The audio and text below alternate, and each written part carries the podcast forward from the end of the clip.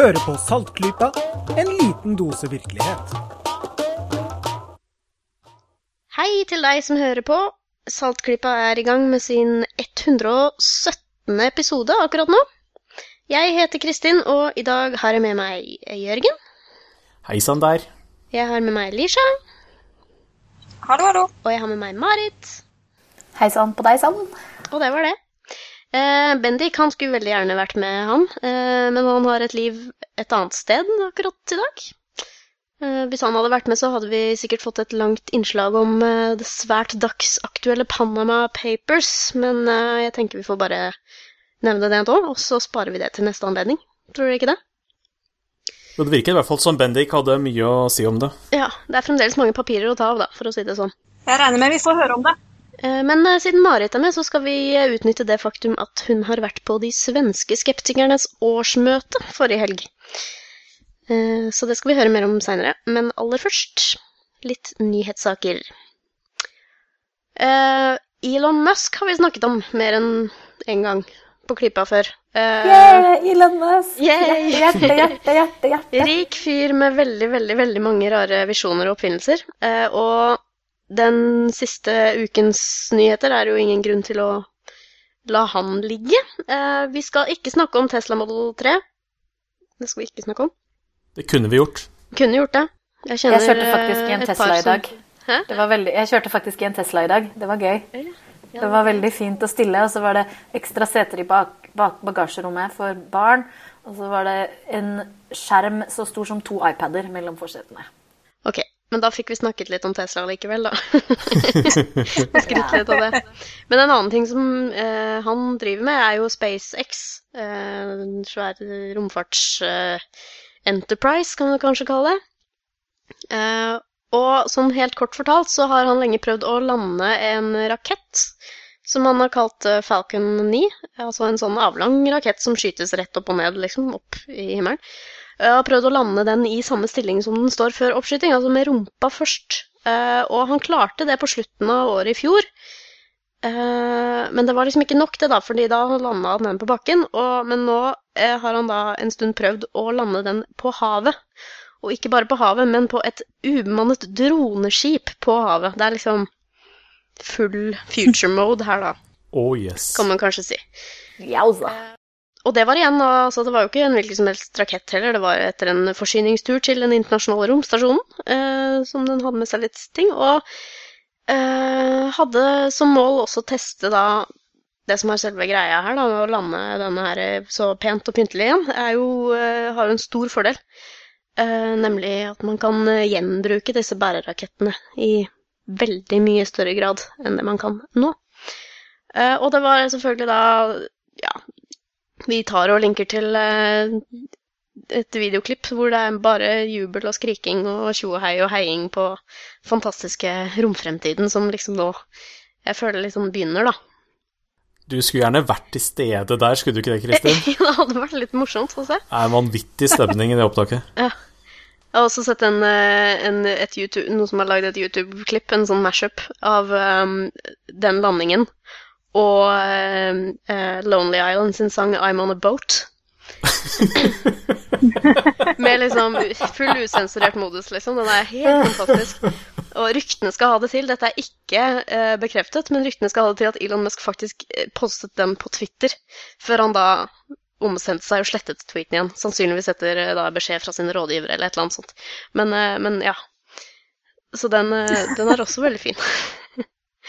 For dette er jo liksom sånn Sjekk her hva vi kan gjøre nå, da. Uh, veldig kult. Veldig kult. Men uh, det er ikke bare det.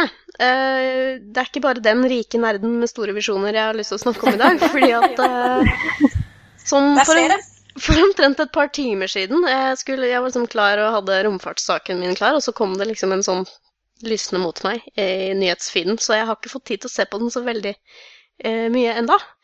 Men her er det altså et mystisk, en mystisk kunngjøring fra Stephen Hawking som skulle finne sted da, tidligere i dag.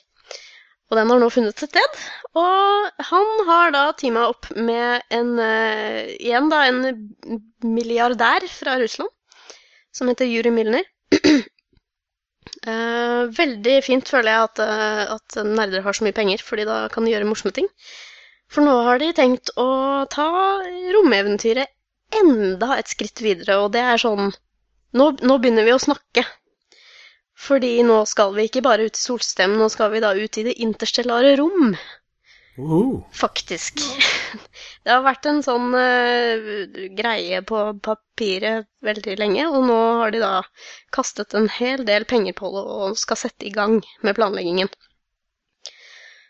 Det er ganske rått. Uh, helt sånn kort fortalt så skal de da at innen, altså innen vi forlater denne planeten sånn rent uh, livsløpsmessig, altså det er sannsynligvis innen en generasjon i tid, så skal de kunne da sende en uh, probe, en, et fartøy, til Alfa Centauri, av alle ting.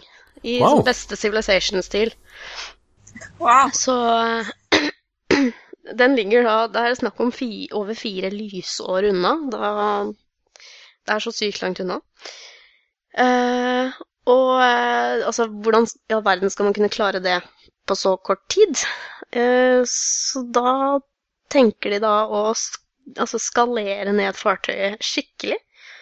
Og bruke liksom noe som de har kalt for en, ikke et starship, men et starchip.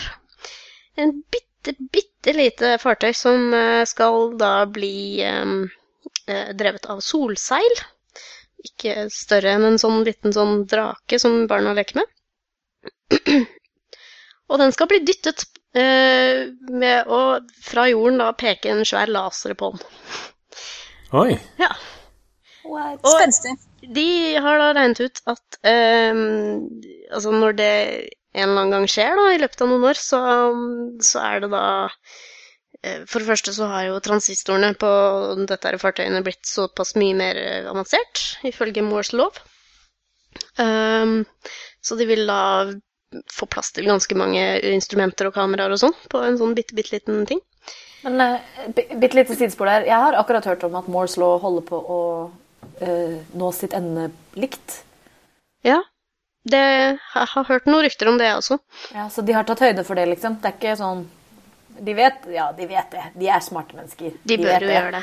At nå De er vi snart der hvor det liksom er elektronene som er av og på. Sant nok. Men det utvikler seg jo fremdeles i riktig retning.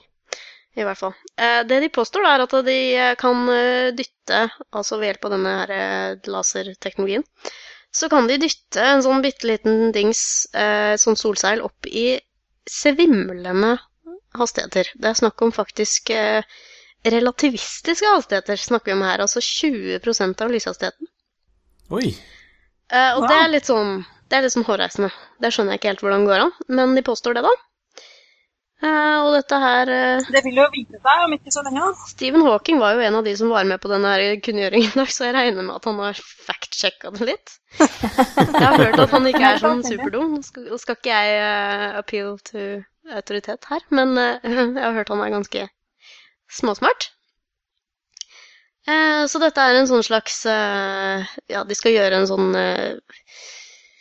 hva skal jeg si, proof of concept, en POC, som vi kaller det i konsulentbransjen, eh, først. Og så koster det sånn 100 millioner dollar, og så går de videre derfra, da. Det er litt sånn Ja, Så testen koster 100 millioner dollar. Ja, noe sånt. Noe sånt. Ja ja. Jo, jo. Men eh, de sier jo det at det vil ikke koste svimlende mye eh, selve altså ferden heller. Um, de vil eh, De sier De påstår det nå, da, at det vil koste noe sånn cirka i nærheten av de største nåværende vitenskapelige undersøkelsene, som f.eks. CERN, eller Large Hadron, Hadron Collider, koster jo litt mer enn en milliard dollar i året. Ja, det er ikke akkurat småpenger, da. Det er ikke akkurat småpenger, men altså, det er ikke Finansiert av om én dude, liksom. Det er det Ja. som er gøy. Det er sant. Men det er altså Dette er en sånn syk Altså, det, det er så Det er et sånt dytt ehm, på utforskningstrangen vår, da. Og det, den realiseringen der er bare helt vanvittig. Og bare det at vi faktisk da, hvis dette her går i boks, at vi muligens til og med får oppleve det. Greit, vi kommer til å være ganske gamle, men eh, vi kommer til å oppleve å få data fra nabostjerna vår liksom fra, fra et fartøy som befinner seg der. Det er sånn jeg tenker innimellom. ass. Det er bare sånn tren hardt, spis sunt, sånn at du kan få oppleve Yes. romdata fra en annen Gå ut og ta deg en joggetur rett etter at du er Eller ta deg en joggetur nå mens, eh, mens du fremdeles hører på Saltklypa. Ikke dumt. Anbefales. Jeg skal ikke jogge mens jeg spiller inn Saltklypa. Nei. Eh, som Nei. sagt, teknologien har vi blitt uh, snakket om før. Jeg mener, du, du minte meg på rett før innspilling, Marit, at du hadde hørt rykter om lignende fartøy på, på Skeptics Guide-podkasten. Ja, de snakket også de snakket om, Jeg tror kanskje de snakket om eh, det teknologiske eh, gjennombruddet som er nødvendig for at dette skal skje. Og så Ja. har da tydeligvis noen puttet penger inn i bøssa også. De snakket i hvert fall veldig mye om kjempelasere. Og så ble det litt sånn veldig mye eh, Bob som snakket om lasere, og så sonet jeg litt ut gjennom resten av det segmentet. Det er ikke så vanskelig å gjøre det, men man har en tendens til det. Ja, Men eh, nei, jeg pleier å høre på han, altså. Men det var bare et eller annet nå. Det var nok, nok lasere i dag. Ja. Nei, så det er snakk om her å, å, å tenke stort med å bygge kjempe, kjempelite. Så det er superduper interessant og veldig kult å være en del av det som skjer nå, egentlig. Så to sånne kule romalderen er begynt for alvor-saker, hadde jeg bare tenkt å, å si i dag, da. Så det var, det var min, min lille del av nyhetssakene. Spennende. Så dere får se om dere kan toppe det, dere andre. Jeg tror kanskje jeg har en sak som kan toppe det. Ok, nå er jeg Ja. spent. Eh, ja, det er en tulleartikkel, da. Eller si, tull er det jo ikke. Det er uh, rapportering av noe som faktisk har skjedd. Men uh, som vi alle vet, så er det enkelte mennesker her i verden som er veldig redd for kjemikalier. Og det er gjerne de samme menneskene som driver med økologisk mat og sånn. Som syns at alt som lukter av eh, kjemikalienavn, det er veldig skummelt og fælt. Sånn som putter eh, druer i hylla for vaskemidler i butikken sin for å demonstrere Sånn som vi sånn. allerede har snakket om, ja. Ja. Men altså, det er sikkert mange av våre lyttere som kjenner til eh, fenomenet dihydrogenmonoksid. Oh, det høres skummelt ut. Hva i all verden er det? Ja, kan også skrives som Ja, kan skrives som H2O. Veldig kjente kjemikalie H2O. Ja, det har jeg hørt om. Ja. Ja. Også kjent som vann, for den som gjenser under eh, en stein og ikke fått med seg grunnleggende skolekunnskap. Men det er jo superfarlig. Det tar jo livet av supermange folk, som Marit sa. Ja, hvis du Ja da, det, så kan du dø. inhalering av, inhalering av dihydrogenmonoksid er dødelig. Det er en store vanlig komponent i masse kjemiske preparater, og Ja. det er eh, Innånding er livsfarlig, det var det du sa, Kristin. Mm. Altså, man kan dø av for mye av det òg. Yep. Og i gassformen så fører det til alvorlige etsebrannskader på huden. Ja. Ja, og det er også sånn at hvis du skulle ønske å unngå det, så er det jo helt umulig. For uh, matbransjen og alt som er, de putter jo i alt. Du kan ikke klare deg uten. Du kommer ikke vekk fra det. Så Skremmende. det er helt sant at det sprutes ut av uh, disse flyene som legger igjen eh, striper på himmelen. What? Å ja. Søren, ass. Du hørte det her først. vi har, det er kjempemoro å kødde med dette her eh, navnet dihydrogenmonoksid overfor folk som har uh, redsel for kjemikalier.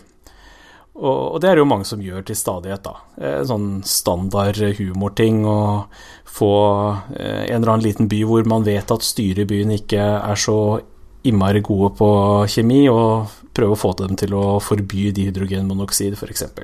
Kjempegøy. Sånt har eh, stadig skjedd. Eh, dette er bare en sånn morsom artikkel hvor eh, noen har skrevet inn til en gård som driver med produksjon av økologisk mat og diverse, og spurt om de kan garantere at det ikke er dihydrogenmonoksid i maten deres. Det kan selvfølgelig. Og de har gått på limpinnen grundig, og ror og ror og ror. Og det er stadig nye folk inn i kommentarfeltet og, og gir dem diskré hint. Uh, og det tar en god stund før noen faktisk googler og finner ut at de har blitt lurt. Uh, søt liten lesning. Uh, jeg bare anbefaler artik- artikkelen. Vi skal selvfølgelig lenke til den. Jeg lurer på hvor mange de måtte sende mailen til for å få den opp. Tja, si det.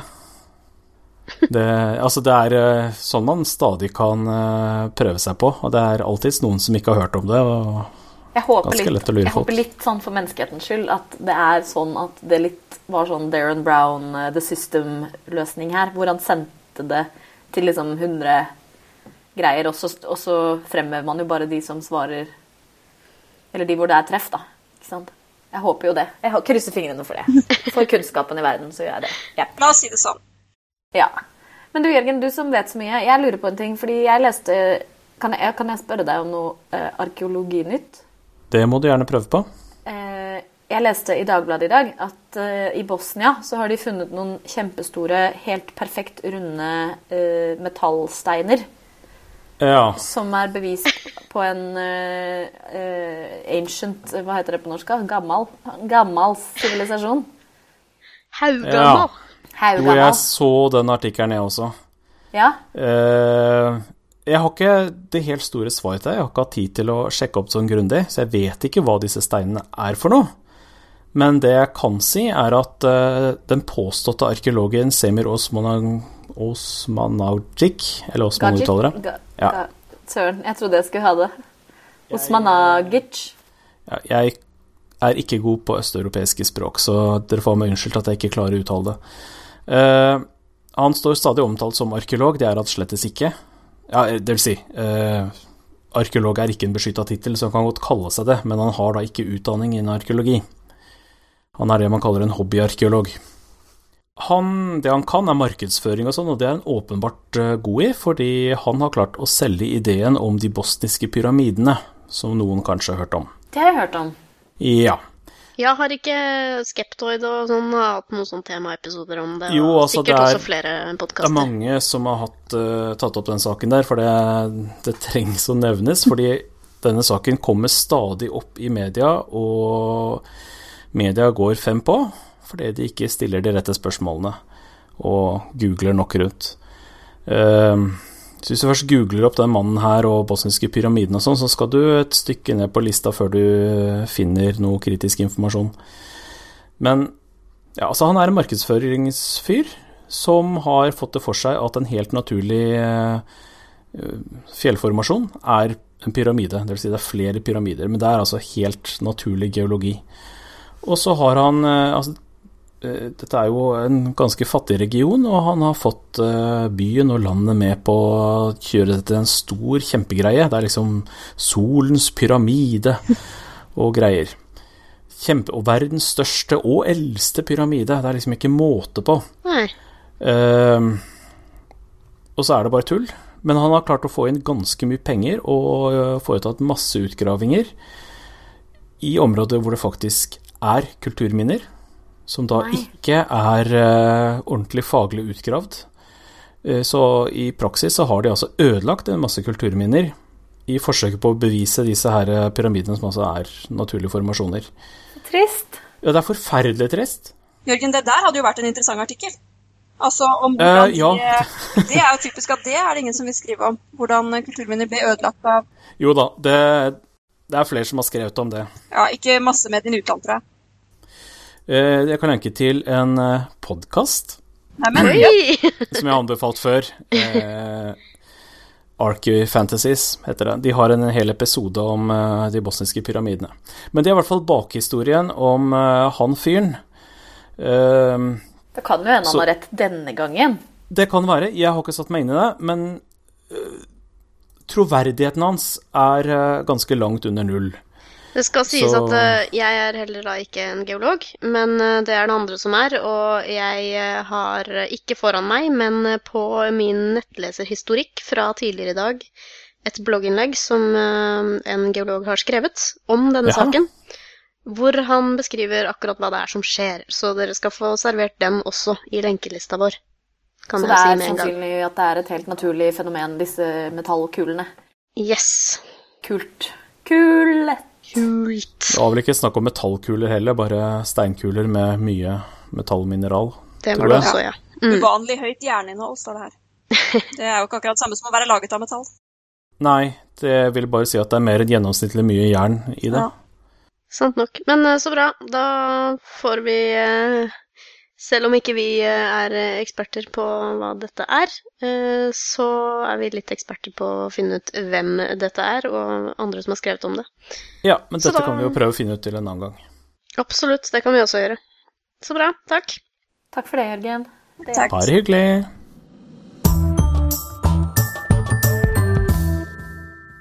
Marit, du var på tur i helgen. Hvor var du? Jeg var i Uppsala, stedet for eh, Nordens eldste universitet, stiftet i 1477. Oi, oi. Ja, eh, og der var jeg på VOF, altså Vetenskap og folkebildning, Skepsis sin svenske søsterorganisasjon, sitt årsmøte. Så bra. Hvordan gikk det? Det var eh, fint. Det gikk som eh, årsmøter flest. Det var eh, mye møteprotokoll og litt grann eh, sånn kleinhet i sånn Ja, litt sånn surr i valg. Ja. Ok. Mange som hadde litt sånn punkter de måtte ha igjennom som tok lang tid og sånn, eller? Nei, det var noen forslag og sånn, men det var stort sett sånn Dette delegerer vi til styret for å deale med i løpet av året. Det er jo en grei løsning. Ja. Men det ble et styre ut av det, i alle fall. Det ble et styre, ti medlemmer, eh, og de er jo ganske flinke. De har lokallag over mye av landet. Lokallagene organiserer stort noe skeptikertreff, eh, og noen deltar på bokmesser med da liksom eh, Humanistforlaget sine bøker. Er, mye, det er en del aktivitet, altså. Og mye av det, mesteparten av det foregår liksom også i rammene til foreningen. Så det er jo veldig greit. Det er kult, så jeg har inntrykk av at kanskje Norge har litt å lære av eh, aktiviteten til eh, våre naboskeptikere, eller? Ja, det kan man vel si. De, eh, De er har- kanskje litt flere også? Det er de. Nøyaktig hvor mange de er, husker jeg ikke. Men de er Jeg tror de humret litt av våre beskjedne ca. 1000. eh, Ja. Som det var i Skepsis eh, mens, vi, mens jeg var leder her. Eh, Men eh, veldig fint. Og det som jeg likte veldig godt også, var at de gjorde årsmøtet sitt til en skikkelig sånn kosehelg. Så på fredag, når mange begynte å komme inn til byen, så var det et lite skeptikertreff. Og så var det da også på lørdag morgen, dagen for møtet, så var det et lite foredrag av Per Johan Råsmark, som har vært eh, i valgkomiteen, men som også er tryllekunstner. Eh, hvor han snakket om eh, hvordan vi kan manipulere kroppsoppfatningen vår. Jaha. Ja, det er kult. Eh, mens vi da også ventet på at flere skulle komme inn liksom, fra resten av landet. Eh, det var veldig morsomt, faktisk. Han lærte litt sånne placebo- eller power power balance-typiske triks. Og snakket litt om hypnose og svinge med pendler og ja. Sånt. Litt sånn anvendt kinesiologi, som det heter. Den derre Ja. mm. Og så var det da årsmøte, og så var det da et par stykker som holdt foredrag om eh, skeptisisme i sitt hjemland. Det var meg fra Norge, og så var det en som heter Thomas Dorolo fra Nederland. Så en Siddhartha Dar fra Bangladesh. Eh, Og etter det så kom også eh, noen fra en svensk radiokanal som vant da Årets folkbildere, som er sånn premie, eller sånn kåring de har, da. Eh, årets eh, folkbilder og Årets forviller. Så det var et radioprogram som het, het Institutet, som visstnok var veldig bra. En Ja, vitenskapsjournalist og en komiker som har snakket eh, om masse morsomt og interessant. Det hørtes ut som en veldig bra kombo. Ja, det virka veldig gøyalt. De var veldig sånn trivelige, de folka òg, som var der. Og tok imot prisen. Og så var det festmiddag på kvelden, og så dagen etter så var vi på et eh, museum og besøkte Eller titta på litt grann om historien til Uppsala og det universitetet og sånn. Spennende. Det jeg lurer på da, vet du, Marit, er Møtte du noen som du snakket med? Som du kan eh, dele litt eh, fra? Ja. ja, jeg tok meg noen minutter med hver av de to andre talerne som var eh, innhyra. Vi fikk en halvtime hver til å fortelle om eh, skeptisismen i våre hjemland. Og det var veldig interessante ting å få høre. Så jeg satte meg ned da med eh, Thomas Dorlo fra eh, Dutch Organization Against Quackery. Og så satte jeg meg ned litt etter det med Siddhar Tadar fra Bangladesh. Ja. Så da ble det intervjuet av dette her, da, kanskje? Jepp. Vi kan jo høre litt på eh, samtalen med Thomas fra Nederland først. Ja, og han um, Du sier at han var eh, Society Against Quackery. Hvem er de? De er eh, en veldig gammel eh, organisasjon. De ble stiftet i 1880, hvis jeg husker rett. Så denne her vanlige folketroen, for å si det sånn, om at skeptisismen begynte i USA på 70-tallet med Randy og Psycop, det er ikke helt riktig. Det har vært ganske mye her nede i Europa før, før det. Hm, interessant. Spennende. Så ja, det snakker jeg litt med han om. Ja, da tror jeg bare vi bare skal kjøre det. So I am sitting here with Thomas Dorlo. Is that how you pronounce your name? Yes, completely correct. Amazing, amazing. Um, who has given a talk here about um, the Dutch Society Against Quackery? and uh, he gave a very fascinating talk about the work that they've been doing.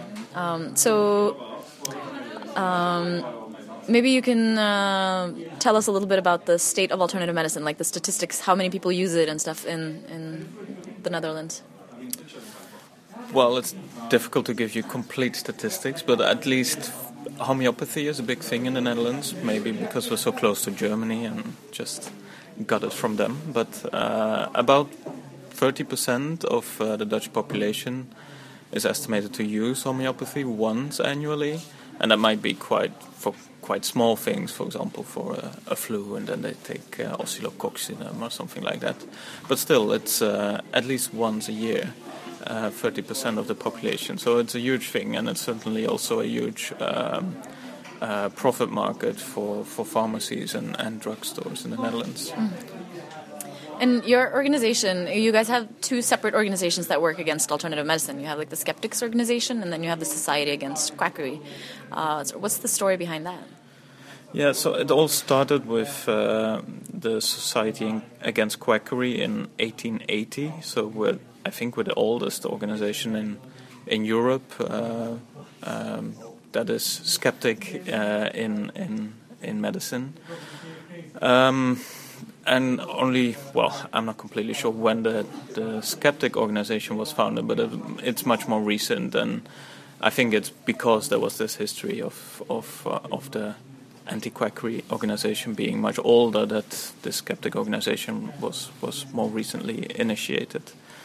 Uh, but we, yeah, we do collaborate together, and we we have, for example, mutual meetings where we uh, our, our, conferences are, are, are jointly organized. So we, we do joint things, but uh, still the organization is uh, are, are, quite separate. Yeah.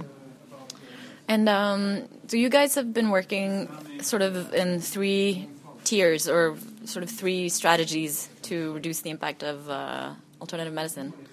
Um, do you know the slide that I'm referring to? Yes.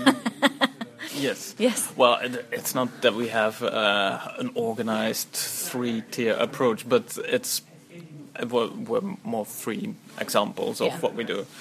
Um, so one of them is uh, the misuse or uh, uh, fraud with using titles. For example, people calling themselves a doctor when they're not a doctor. And the example that I gave was uh, particularly referring to um, uh, chiropractors that are using their doctor title, which is not really a recognized doctor's title, and using the, the term doctor everywhere. And that's uh, resulting in uh, more confidence from patients into what they are doing. So they are really misusing or abusing this doctor title to to get more confidence uh, from patients. And um, the other two things are false claims that uh, um, uh, quacks are, are, making. So we're we're trying to get legal um, um, measures against um, uh, legal measures against uh, that people can use false health claims. Uh, so we're, we're taking homeopathy producers uh, to court and, and really make them uh, remove all the, the claims from the label uh, on the packaging. And you had success with that? Yeah, we were quite successful uh, in that. Um, they are still fighting it, but uh, at least there's now legislation that uh, forces them to, to not put any an indication, but also not any referral to a disease or syndrome that uh, the, the products can be used for.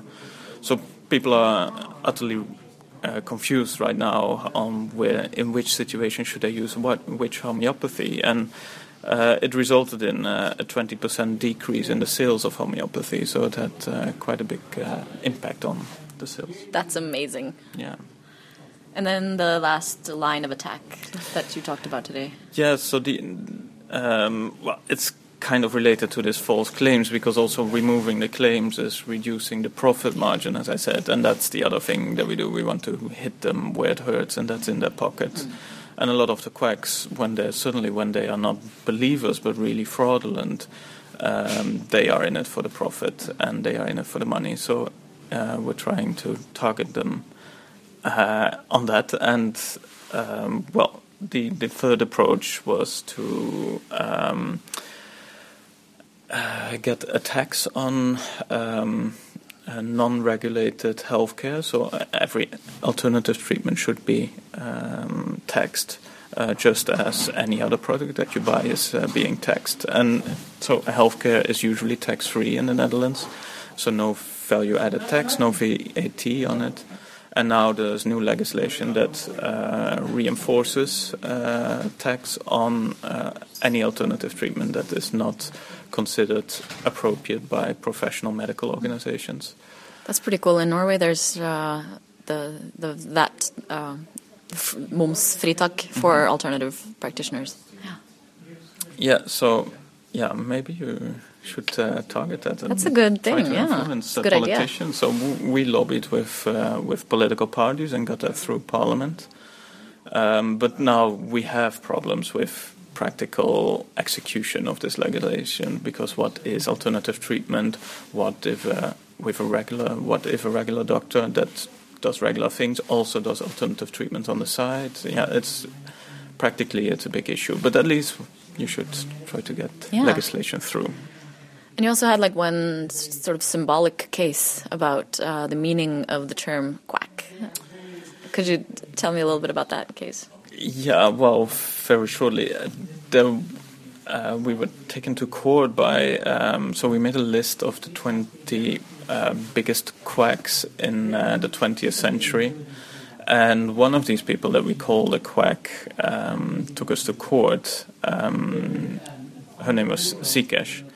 And she was um, doing manipulative uh, therapy of the vertebra to uh, treat autism and schizophrenia and really psychiatric diseases as well. Also other diseases. But it was really, yeah, going one step further from, from physiotherapy and uh, making false claims on um, treating psychiatric diseases. And she uh, filed a libel suit against us, so that means that she uh, thought we were accusing her of uh, doing fraudulent things, and yeah, she said she was not doing anything fraudulent because it was really true what she was doing, and patients were happy with what she was doing. And probably she really believed in that she was helping patients as well, which does not make it any less worse. But yeah, it's a different uh, uh, terminology and different definition of, of quackery. So re- we had a whole lawsuit about this, um, about the term quack and whether we were allowed to call uh, somebody call who quacks. is doing alternative therapy. Can we call that a quack or not? And eventually, um, we went to the highest court uh, in the Netherlands, and eventually we were allowed to use our definition of quack uh, as doing something that is not evidence-based therapy, uh, in irrespective of whether it's fraudulent or not. But at least when it's not evidence-based, then uh, you should be able to call somebody a quack. So we use the terminology now, but we are uh, a bit. Um, um, conservative with using the terminology uh, fraudulence because that is, of course, difficult to, yeah. to show. Yeah. yeah. Well, that was really interesting. Um, thank you so much for your time. Yeah, thank you. Og hvem var det du snakket med uh, etter du snakket med nederlenderen, Marit? Jo, eh, etter at jeg hadde snakket med nederlenderen, så eh, gikk jeg litt i ærefrykt bort til en av de andre som hadde snakket, og det var Siddhartha Dar, som er fra Bangladesh. Han eh, er en av disse 84 sekulære bloggerne som står på en sånn hitliste. Altså en drapsliste som har blitt sendt rundt av radikale islamister. Eh, som det sakte, men sikkert eh, plukkes navn fra eh, med jevne mellomrom. Og blant annet så har hans nærmeste venn og mentor blitt drept, og, og mange andre han kjenner, blitt drept. Så han har nå asyl i Sverige. Og rett før jeg dro til Sverige, så leste jeg også tilfeldigvis en sak på Fri Tanke om en mann med omtrent parallell historie, som nå er i Skien veldig sterkt å, å, høre om eh, sterkt å, å, oppdage, eller virkelig anerkjenne, da, hvor, hvilken luksus det er for oss med den ytringsfriheten vi har her. Eh, aldri bekymret meg for å ytre meningene mine, aldri bekymret meg for å si verken at jeg er ateist eller skeptiker. Men der blir de forfulgt for å fremme evolusjonsteori, for å fremme sekulære prinsipper, uh, vitenskapelige prinsipper, sekulær tenkning generelt. Skeptisk tenkning. Fy søren. Hmm. Det er uh, utrolig fint da, at de faktisk hadde han som en av foredragsholderne. Mm, veldig sterkt. Og jeg følte meg litt sånn teit etter at jeg hadde stått her og liksom ja. uh, ledd av norske problemer. Snåsamannen og Märtha og litt sånn. Ja, ikke sant? Så, ja, vi har det sannelig vanskelig her, her, i landet, vi. Ja. Jeg snakket også litt om uh, uh, Ja, jeg kan si det etterpå. ok. Men eh, skal vi bare ta oss og kjøre det andre intervjuet også, da, så får vi høre hva Siddhartha har å si? Ja. So I am sitting here uh, after the General Assembly of VOF with Siddhartha Dar, who gave a fascinating talk about um, secular bloggers in Bangladesh and the, troubles that they face. So um, first, could you tell me a little bit about the history of uh, Bangladesh and why, um, even though it's uh, attemptedly trying to be a secular nation, why it's so uh, religiously dominated. yeah, you can hold it. Um, so basically, Bangladesh got its independence from uh, Pakistan after this liberation war of 1971, and we came up with this constitution that was secular. Secularism was one of the founding principles of the constitution. Uh, the religion-based politics was banned. But after a few few years, things turned south. Uh, the military forces came into power, and uh, they rehabilitated the Islamists who uh, helped the Pakistani militaries in committing those at- atrocities. And after that, um, relentless process of Islamization of the constitution of the society and the civil so- and the bureaucracy began. So Bangladesh lost its its spot in a way. And uh, a few years ago, um, well, I'm assuming well, there was a, a, blog network created with secular bloggers. Um, how did that start? Uh, thanks to internet. Yeah. uh, the secular blogging community, uh, the secular forces for of Bangladesh found a platform through the internet, to the virtual space to express their opinions. So, and uh, there were many different online um, blogging platforms, community blogging platforms where atheist bloggers uh, were um, found a scope to express their opinions and uh, finally, a, a, new Bangladeshi um, secular blogging community emerged with liberal ideas and views. It's a congregation of humanists, atheists, skeptics, rationalists, and human rights activists. And we, the secular Bangladeshi bloggers, we uh, strongly adhere to the principles of uh, Universal Declaration of Human Rights. We uh, promote gender equality, LGBT rights and strive for the secularization of the politics, society, and the educational system. Mm. But uh, things were not so easy for you. Um, something happened in in 2013. Yeah. Can you tell me a little bit about that? Uh, so basically, what happened is that back in 2013, the Islamists uh, didn't like the idea of a secular society and uh, all the things we we have been promoting for this uh, for this long period. So the Islamists marched into our capital city Dhaka with 200,000 people, created serious havoc, and um, they demanded a blasphemy law with the highest penalty being death penalty, and they uh, they listed 84 bloggers and uh, submitted that list to the government. And the government says okay we are going to look into it. If anybody uh, like violates religious uh, sentiments and they're going to get punished.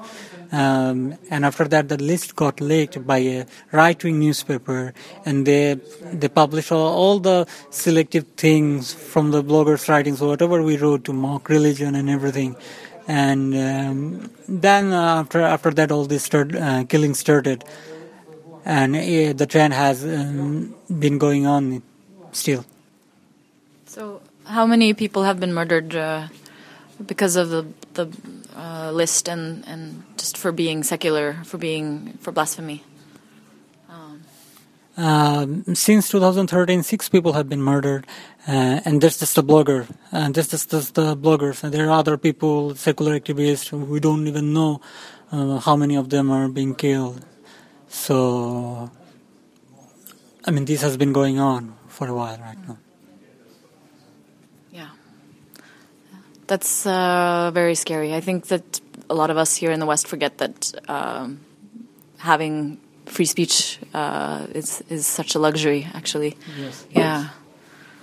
Um, well, do you have anything more that you want to share, or is there like a story in particular? Um, what happened to your mentor, maybe? Yeah. Yeah. Yeah, um, yeah my friend um, my, and my mentor my partner in crime, Ananta Vijayadash, he was, uh, we are from the same city. We used to run an uh, organization called Science and Rationalist Council. Uh, we studied at the same university. He was like five or six years older than me. So we published a magazine. It's called Logic. And um, we used to promote the theory of evolution. Uh, Ananta was uh, like a big fan of Darwin. And uh, we we we also debunk many religious miracles with their writings and stuff. And um, I mean, it, it, it went well. I mean, we.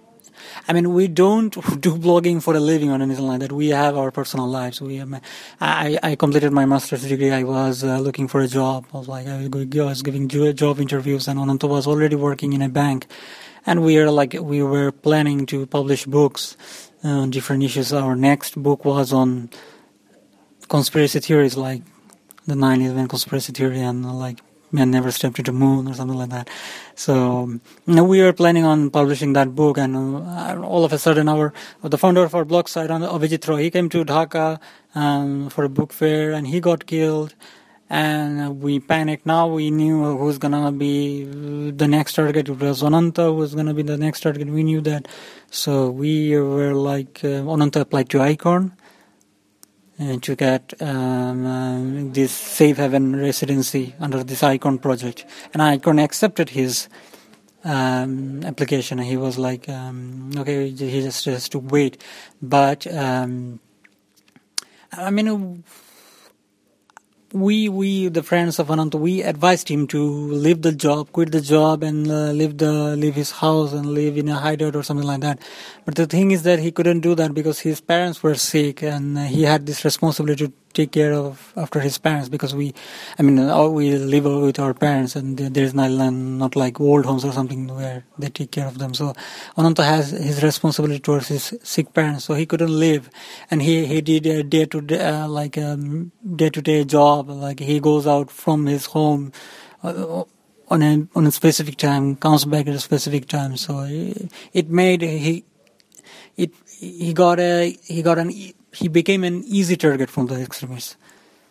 So and um, as I've said, like yeah, the Swedish PEN, they invited him over over to Sweden to um, discuss the situation of bloggers and uh, our our our perils, what, what we are uh, doing in Bangladesh and how how threatened we are.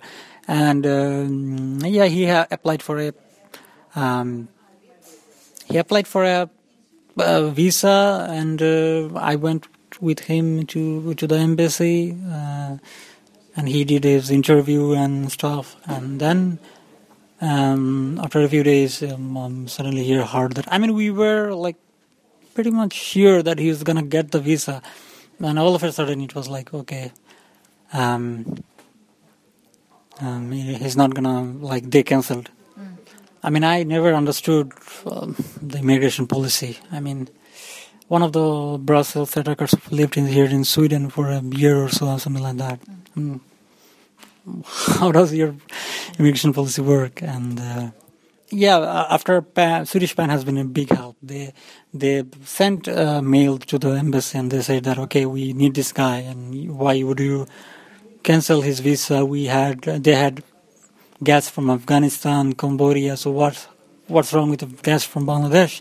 So uh, his case was still on the on the process, and um, like uh, he appealed, and um, and uh, but uh, I mean before he got any decision, he was uh, killed on his way. He just got out from his house on the 12th of May. He was going to his office, and he just and just in front of his house, they chased him down and just hacked him to death.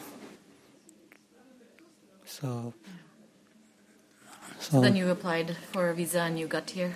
Uh, yeah, I asked help from International PEN. I was like, and they said that um, okay, we are gonna look into it. I mean, international PEN has been a big help. They they contacted Swedish PEN and they said that okay, we are gonna send a letter to the uh, to, to, the uh, to Margot Wallström, the Swedish uh, foreign minister, and she um, and I was a bit skeptic. I was like thinking, okay, I'm not gonna go to Sweden. They just they didn't give my friend a visa. Why would I go there? But they, then they said, yeah, okay. Now they're feeling guilty, the embassy, so they just might give you the visa.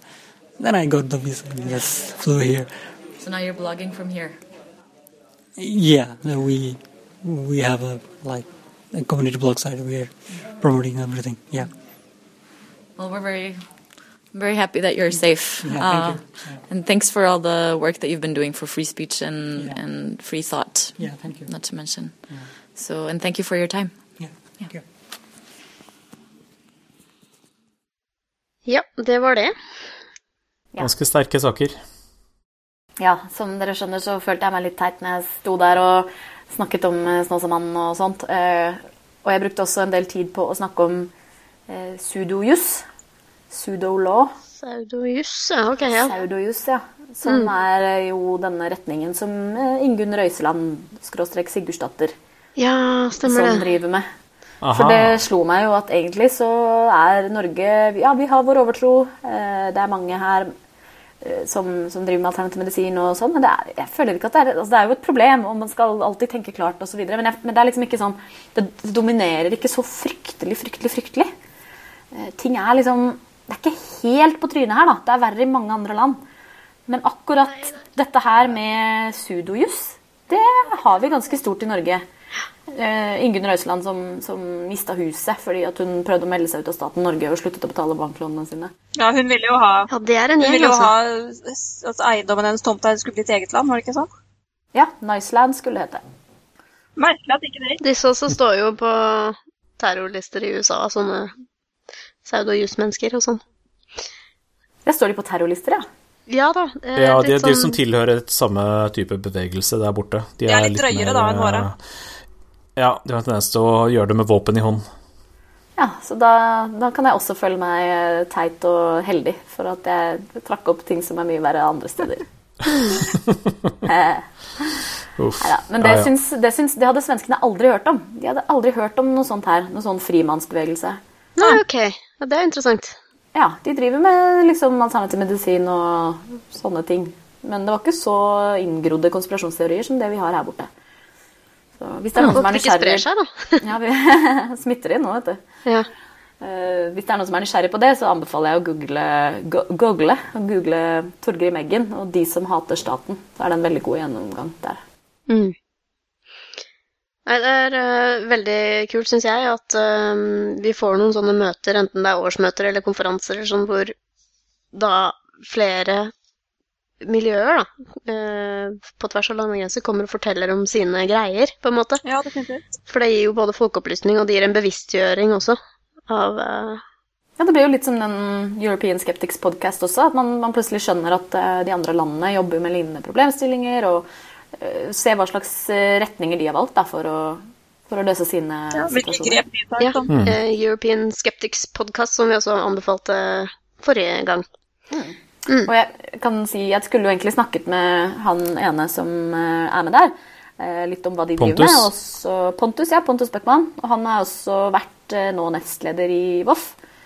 Eh, så jeg tenkte å snakke med han også om hva de har drevet med i Voff i det siste, og hva som liksom er planene fremover. Men han fikk matforgiftning, så, Uff da. så det møtet utgikk. Men vi skal møtes på Skype etter hvert. Ja, det er jo hyggelig. Får holde i det. Så det var en uh, informativ og vellykket helg, i hvert fall. Har jeg inntrykk av. Ja, Det høres kjempebra ut. Ja, veldig fin tur. Jeg vedder på at du, du holdt et framifrå foredrag også. Satser på det. Ja. Takk for det. Vi skal over til uh, ukens anbefaling.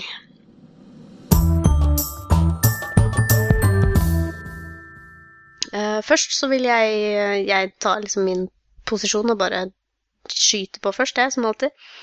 Uh, det er i Oslo så er det arrangement.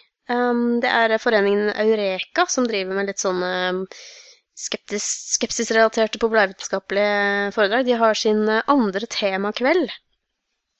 De har hatt en fra før. Uh, og uh, temaet er jo noe som vi, i hvert fall jeg, uh, her i Saltgruppa, har veldig lenge hatt lyst til å ha en som en sånn snakkis. Og det er nemlig GMO. Genmodifisert organismer. og da har de kommet oss i forkjøpet. Det er jo greit, det.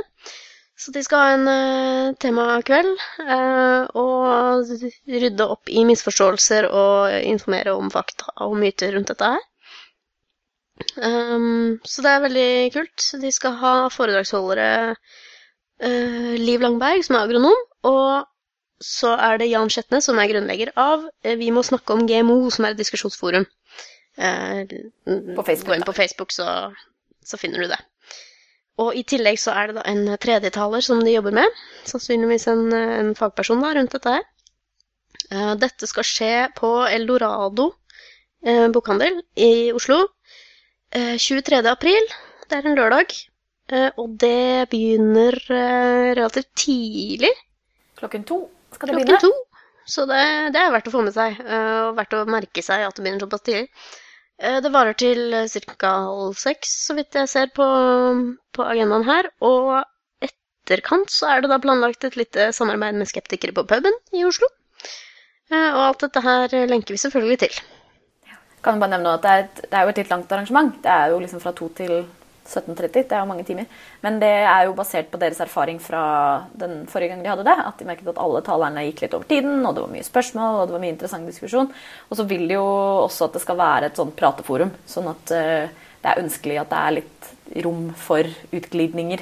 Så derfor Mm. er det satt av veldig god tid. da. Så jeg tror det blir veldig bra. Det er deilig å, å få til det, egentlig. Så er det jo Ja, veldig eh, kult. Jeg har venta på det lenge. ja, og så er det jo liksom kafé og sånn eh, i første etasje, og, man kan og det er gratis kaffe der òg, faktisk. Det er alltid gratis kaffe. Så jeg regner med at opptil flere av saltklippene kommer til å være til stede. Ja. Jeg Håper skal det, i hvert fall. til Tallinn og holde foredrag igjen. Ja, nei, du, du får gjøre det, du, da. Men, men. Ja. Det var GMO. Så ser jeg, Marit, at du har en bitte liten anbefaling på tampen her. Ja, jeg har også en anbefaling. Det er jo litt teit å anbefale noe som ikke er i Norge, men det har jeg tenkt å gjøre, fordi jeg syns det var så ufattelig morsomt at man bare må få det med seg hvis man får en anledning. Det er altså at uh, Natural History Museum, Naturhistorisk museum i New York City, har en utstilling uh, nå som uh, varer ut året. Som har stilt ut dinosaurer påkledd, altså med fjær. De har virkelig gjort det de kan for å, å fremheve lenken til fugler. Eh, at det er virkelig 'dinosaurs among us'. Og, og vise da hvordan fjæren, fjærkledte dinosaurer egentlig så ut. Og jeg synes det bare virker helt fantastisk, og det er så på tide at noen begynner å vise dinosaurer med fjær. Jepp. Så hvis man skal til New York, så må man jo innom der. Ja, altså, hvis, det, altså, hvis det varer ut året, så har man jo tid til å planlegge en liten svipptur, har man ikke det? For dem som måtte ha anledning. Og det er jo en populær by. Det er jo mange som det er reiser dit innimellom. Ja. Kan fly direkte dit. Ellers så kan det hende at det blir en vandreutstilling som vi kan se her om sju, åtte, ni år eller noe sånt. Når du har turnert resten av verden. Marit lyser opp. Glatt i solen. Ja.